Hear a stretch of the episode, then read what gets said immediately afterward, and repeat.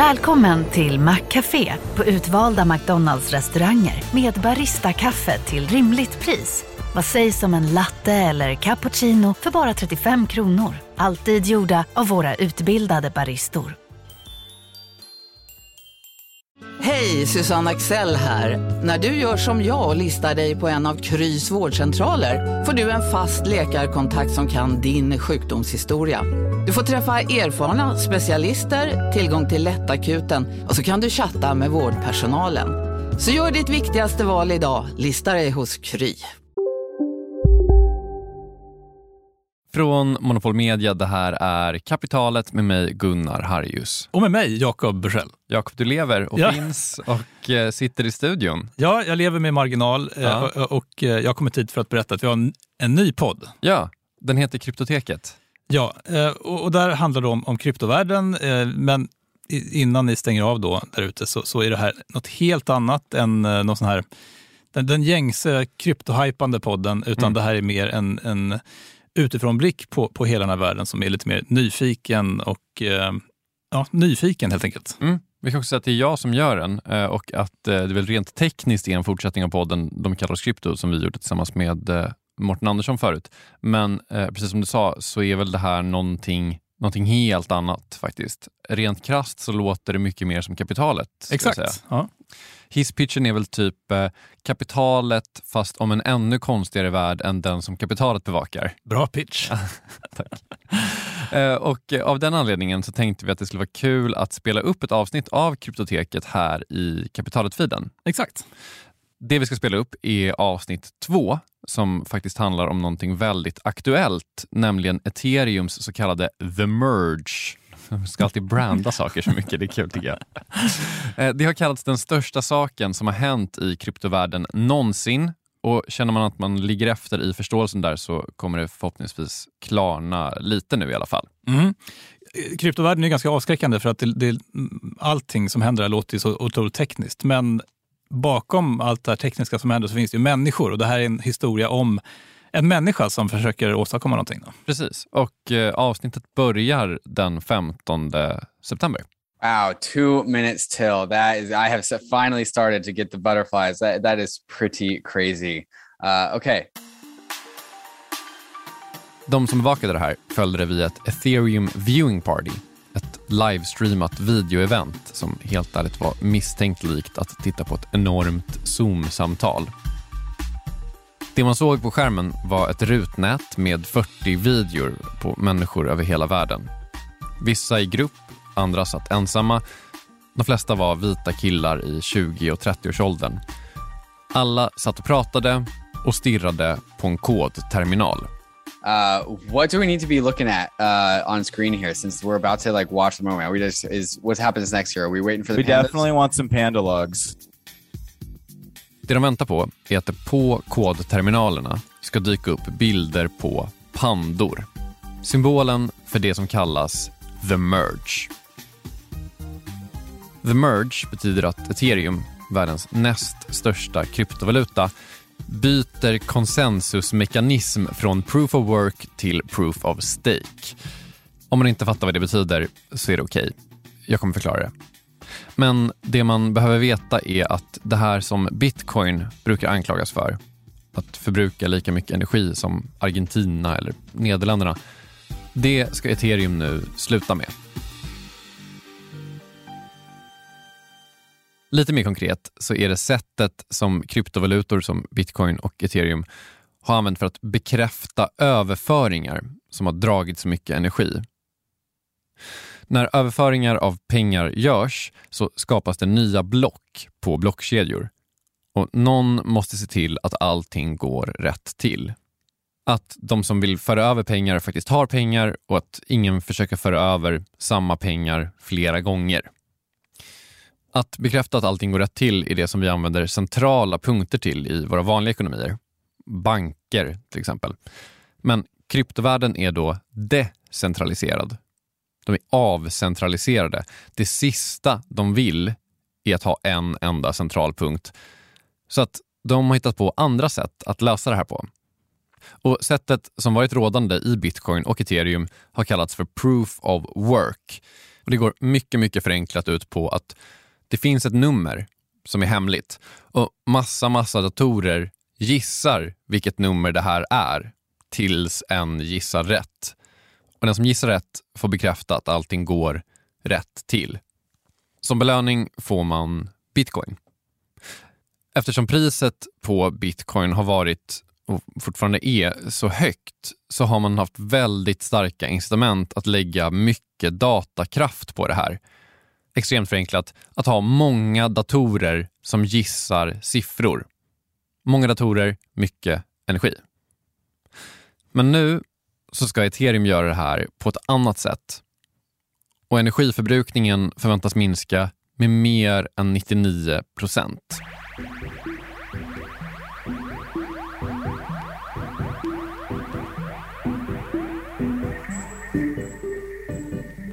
Det här är såklart en enorm grej. Det har beskrivits som den största händelsen i kryptovärlden sedan bitcoin uppfanns. Och på ett sätt så är det egentligen värt att berätta bara om hur det här funkar och vad det förändrar. Och lite kommer jag göra det. Men som med alla stora förändringar så är det här också en historia om en massa, massa människor som försöker åstadkomma någonting. Och idag ska det handla om en av dem. En person som inte bara försökt förändra kryptovärlden utan som också sett kryptovärlden förändra honom. Från Monopol Media, det här är Kryptoteket. Jag heter Gunnar Harjus.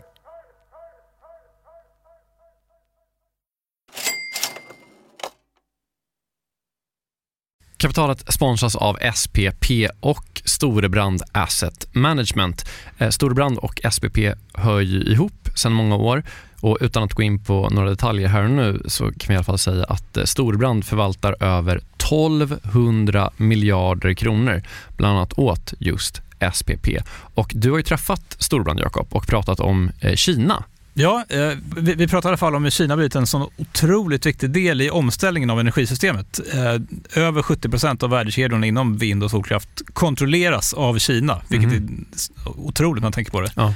Och Det handlar om att Kina väldigt tidigt insåg att energi är makt och att man genom sol och vindkraft kan göra sig typ fri från att importera olja och gas och sånt. Then if you think that tomorrow or today's you know power base is going to in a large part be about renewables, then obviously having a stranglehold on those renewables and all the technologies that go into it is going to be part and parcel of that power play.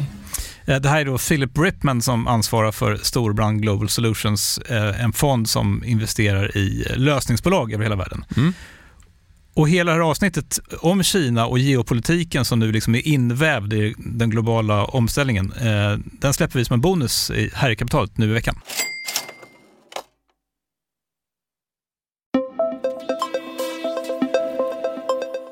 Hello, can you hear me? I can hear you. Uh, as you can probably tell, I don't have a camera, um, but I look, uh, I look normal. I can assure you. That's that's fine. I, I'm I'm also not really keen on showing my face. I do look normal though. Oh, great. Marius van der Weiden är sitt namn till trots tysk och inte holländare. My grandfather was Dutch. Han har hört talas om bitcoin för första gången 2015 men är inte särskilt intresserad. Sen pluggar han programmering på universitetet han går en kurs i något som heter GPU programming som jag absolut inte förstår men som i sin enklaste form verkar handla om att programmera datorgrafikkort till att göra andra saker än att processa grafik. Det kan i vissa lägen vara mer effektivt tydligen. Marius fastnar för kodspråket CUDA, C-U-D-A, som används för att programmera den här typen av saker. Men ingen applikation är tillräckligt intressant för honom.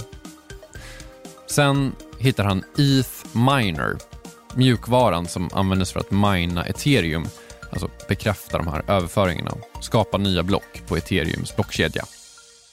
And um, I saw that they were using some outdated code, some deprecated functions, and I, I fixed that. Then I quickly became part of like this open source team. From then like my interest in in cryptocurrencies and and Ethereum grew.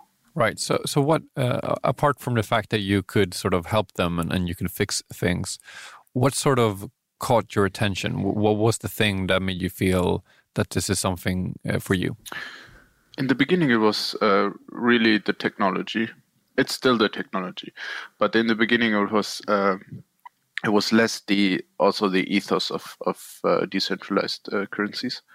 In the beginning, it was uh, like I don't know. I I, I made the code one percent faster, and we our code was downloaded. I think a million times in like two or three months. So like just the amount of hash rate that is going up is just like because I made this small change and my small change has such a big impact on the on the overall network. Yeah, having this this lever of uh, like you doing like a small change that will end up improving the whole thing. That was really interesting to me. Lite hårdraget så kan man säga att det finns två typer av personer som blir riktigt så fångade av krypto. Alltså intresserade bortom möjligheten att tjäna pengar på det. Eller det är personer som kommer från två håll kanske man ska säga. Dels är det människor som är ideologiskt intresserade av kryptovärlden. De är ofta väldigt liberala eller tycker åtminstone att stater och företag missbrukar sin makt. De ser att världen inte är så bra som den skulle kunna vara och de ser kryptovalutor som ett medel till förändring. Sen finns det personer som är tekniskt intresserade av kryptovalutor. Personer som är fascinerade av kryptografiska problem eller av tillämpningen av olika protokoll. De ser liksom en matematisk skönhet i själva skapelsen kryptovalutor.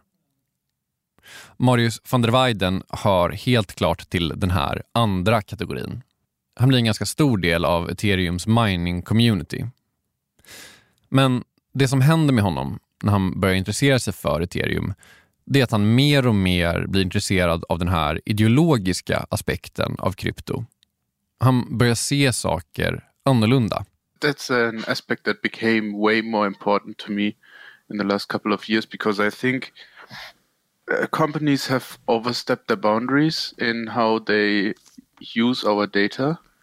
I think it's very important to give the people tools to to manage their data themselves and uh, not be like used by the big corporations. Do you think that coding and, and like doing the technological work that you have done has led you to this conclusion or it, it has the conclusion come independently of, of you actually working and seeing how these things work? I'm not sure. It's it's it's a great it's a great question. I, I don't think I've ever thought about this. Spontaneously I would say this conclusion came from the way I work. And so because I was like always working on, on open source software and I think it's really important for, for our software to, to be open and accessible for everyone. I got m- more interested in this ethos. I don't think it was the other way around, yes.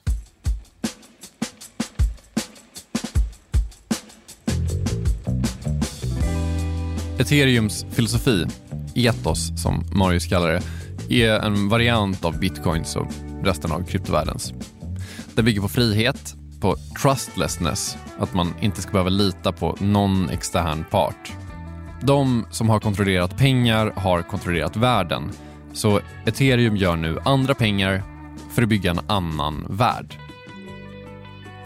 Om man tittar på vad man faktiskt kan göra med ethereum så är det en skillnad jämfört med bitcoin. Om bitcoin är en väg som ska användas för att flytta pengar så ska ethereum vara en stad. Man ska ha massvis av saker. Börser, utlåning, olika coins, NFT, metaverse. Allt ska få plats i ethereums ekosystem. Ethereum ska vara en världsdator och datorn ska vara likgiltig inför hur den används. Marius gillar den här tanken och han är så pass bra på att programmera att han blir anställd av The Ethereum Foundation, den stiftelse som sköter ethereums infrastruktur. Och Det han arbetar med det är då att flytta ethereum bort från proof of work. So the problem with proof of work is that it's it's a neat idea, but it grew way too large. So for Ethereum, for every block that you solved, you got like five or six thousand uh, euros at some point. That like highly incentivized uh, people to buy more hardware and more energy and grow the the, the mining space.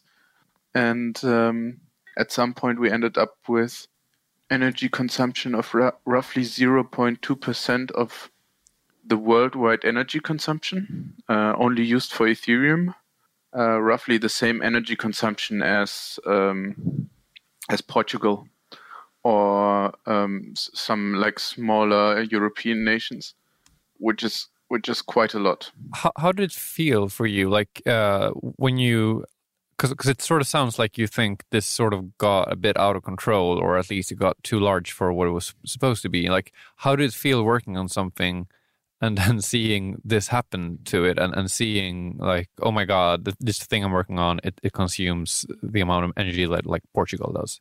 In the beginning, I didn't really, I didn't really know how much uh, it, um, how much Ethereum uh, used. So there was. Um, I think 28, 2019, the first websites were popping up that that try to calculate the, the energy usage of of Ethereum and Bitcoin. But people are really good at reading these facts and just forgetting about them and uh, just not not really caring. Så Marius blir inblandad i det som ska kallas för the merge, alltså ethereums energisparande förändring. Och ja, jag tror ändå att man ska förklara ungefär hur det funkar. Bara för att påminna då. Proof of work, alltså det mer energikrävande systemet, funkar alltså genom att låta en massa, massa datorer gissa en siffra och den som gissar rätt får en belöning. Om man försöker lura systemet så får man ingen belöning och i förlängningen kan man då säga att man har förlorat de pengar som man lagt ut på el och datakraft. Det Marius nu ska se till är att ethereum byter från det här till proof of stake. Det går till så att man tar pengar, eller kryptovalutan eter, och låser in dem i systemet. Man kan tänka på det som ett kassaskåp där massa människor lägger in sina kontanter. Det kallas för att stejka sina pengar. Sen sker ett eh, lotteri mellan alla de som låst in sina pengar och den som vinner lotteriet bekräftar överföringarna i blocket. Som belöning får man pengar. Om man försöker lura systemet så blir man av med alla pengar som man har stejkat. Det här gör då att massa, massa datorer inte behöver hålla på med den här gissningsleken och det sparar då energi. Och bara för att vara övertydlig, det är alltså inte Marius som har kommit på Proof of Stake eller The Merge. Tekniken har funnits länge och andra mindre blockkedjor har använt sig av den. Men det har aldrig testats i så här stor skala. Och det finns massvis med fallgropar och potentiella buggar som skulle kunna förstöra allt. Ethereums grundare, Vitalik Buterin, han har pratat om att ethereum ska byta till proof of stake i minst sju år. Marius har hållit på med det här i två år. Han blir snabbt väldigt engagerad. When I started working on the merge, I calculated um, how much how much CO2 com consumption that would be, and um, how much we are actually destroying the planet uh, with it. And um, from then on, it was only like, okay, I can, I don't want to be part of this anymore. I don't want to be part of proof of work. Either I can just leave the space and not be part of this, or I can work on it to fix it.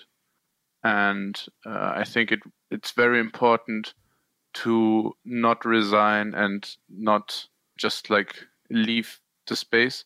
I think it's really important for everyone to actually do something to change it if they are in a position where they can um, uh, work on stuff like this.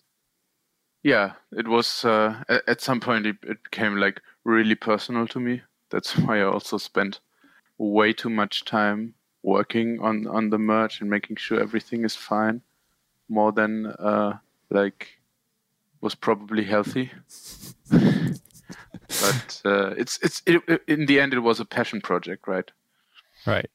When you say it, it got personal, it got really personal for you. Like, what did you feel was at stake?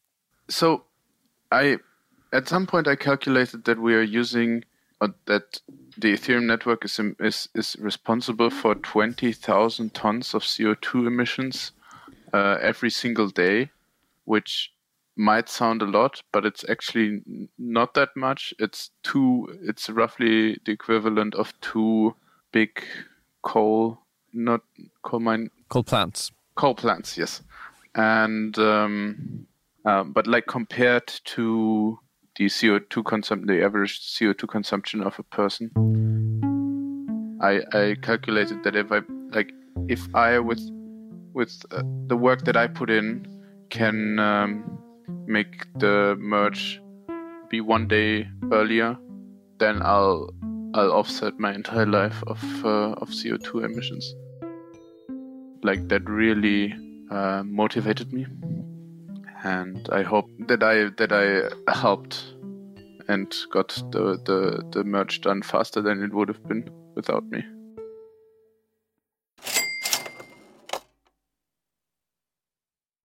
Vi- sponsras ju av SPP och vi var ju med dem eh, på Tech Arena förra veckan. Och jag tänkte berätta om en bolagspitch som jag såg. Ja.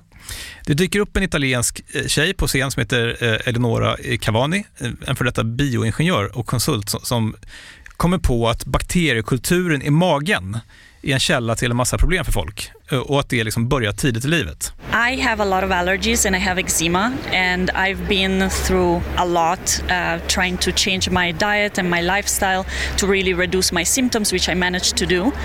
And uh, once I learned more about the microbiome, it, it really shocked me to find out that we know that some gut microbiome imbalances in early life are linked to chronic diseases for the rest of life. So I thought, wow, how strange that we know so many things and we're not really using them in real life. So I, I felt like I had to do something. Eh, Så hon startar något som heter Alba Health, eh, att förväxla med Alba Golf som vi gillar, eh, där småbarnsföräldrar kan skicka in prover från sina barn. We send you a kit. Um, it's a test that you can take at home. We need a poop sample. You can take it from the diaper. We receive it, we analyze it, we give you back results and recommendations on uh, lifestyle, food, and uh, potentially probiotics. Och, och folk kommer liksom tycka att det är lite äckligt och sånt, men jag kände så här, det är så mycket negativitet i världen just nu. Eh, Och du var inne på det tidigare, liksom att det här stället var ju fullt med folk som typ vill göra grejer. Och här springer omkring liksom sjukt duktiga människor och bara försöker förbättra för folk och göra världen till en bättre plats. Och Ele- Eleonora då och Alba Health är ju liksom ett sånt gäng som var där. Mm. Av liksom hundratals. Ja. Eh, Och det gjorde mig glad faktiskt. ja nej, det, jag tycker det lät toppen.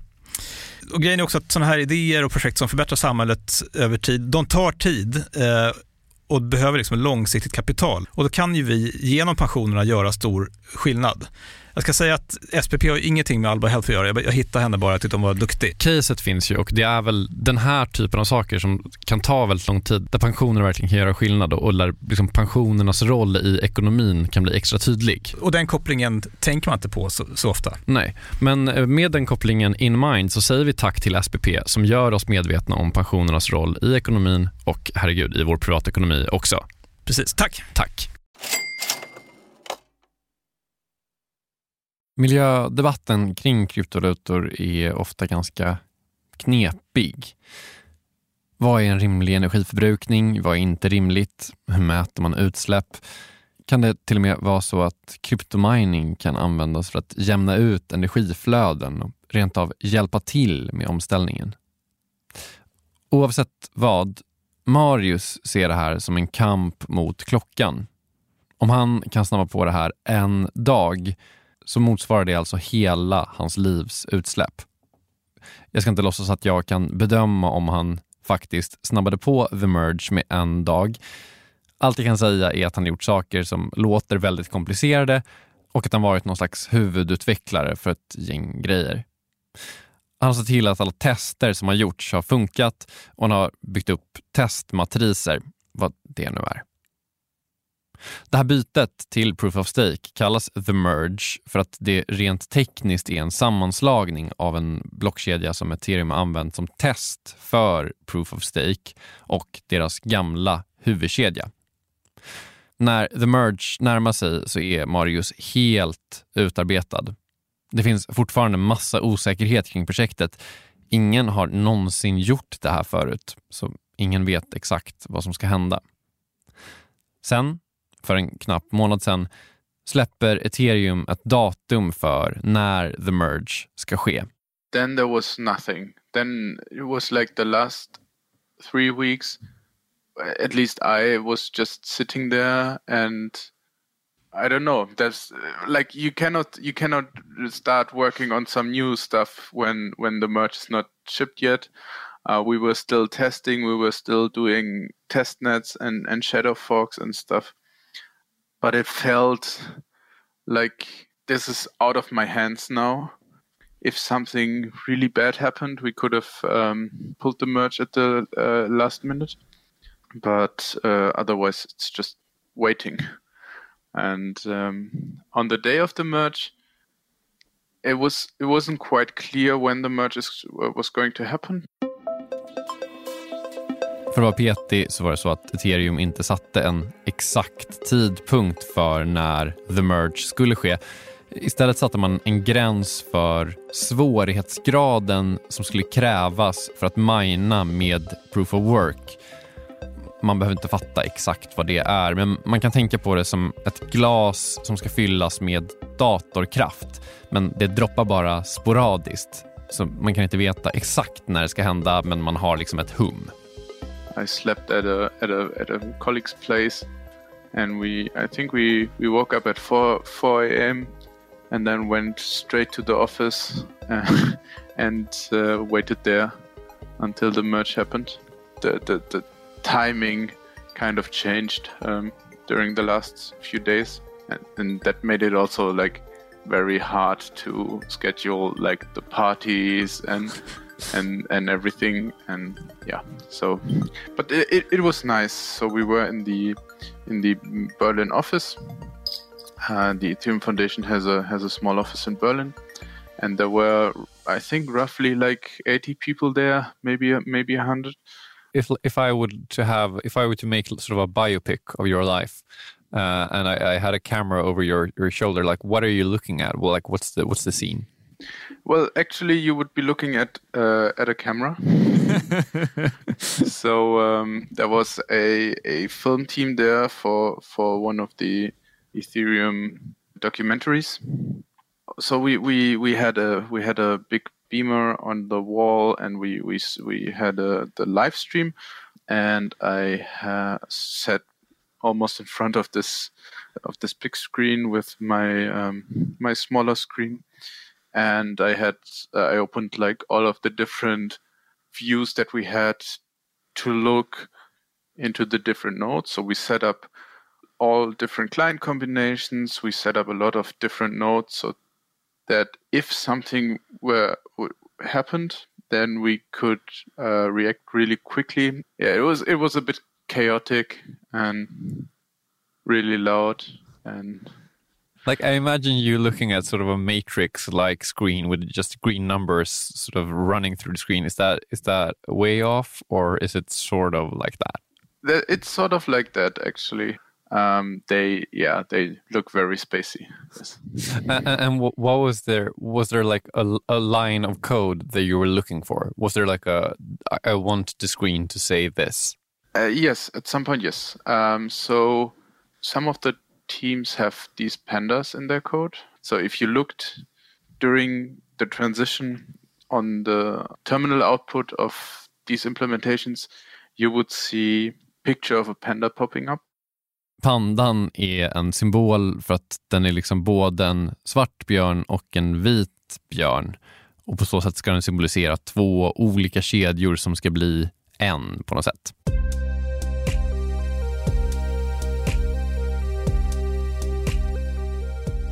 Jag vet helt ärligt inte om Berlinkontoret där Marius satt var med på ethereums officiella livestream.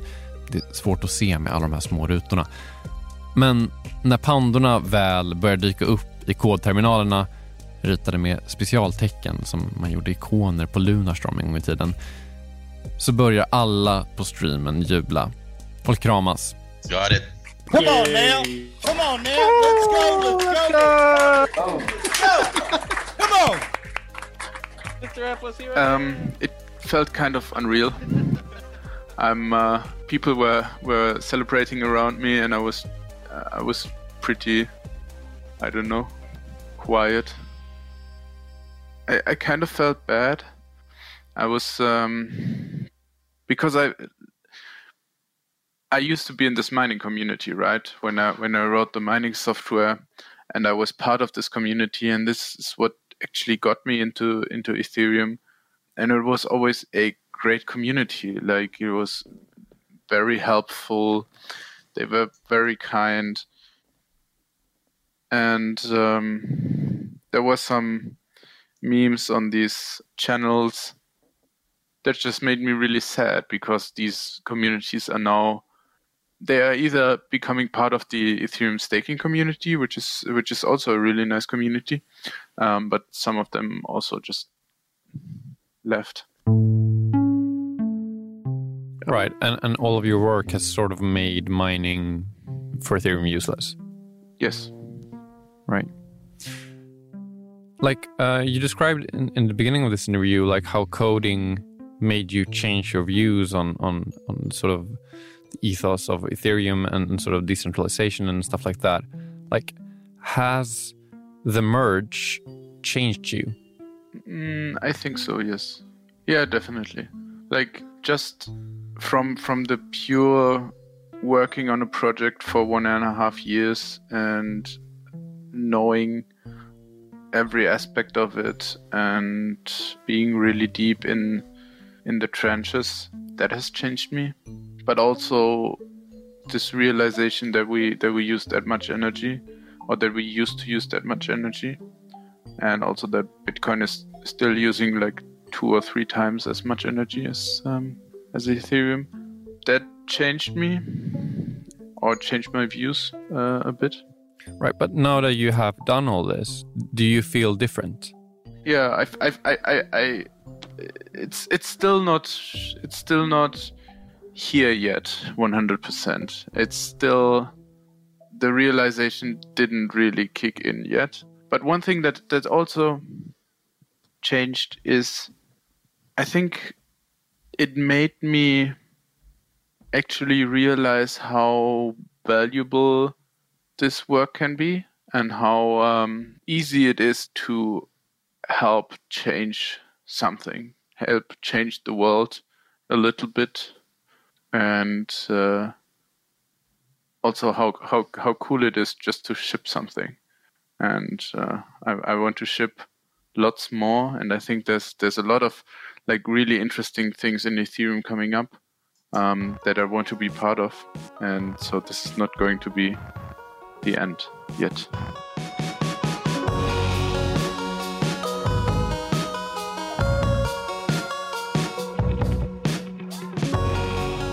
Marius van der Weiden finns på Twitter om man vill diskutera testmatriser. Och det vill man ju.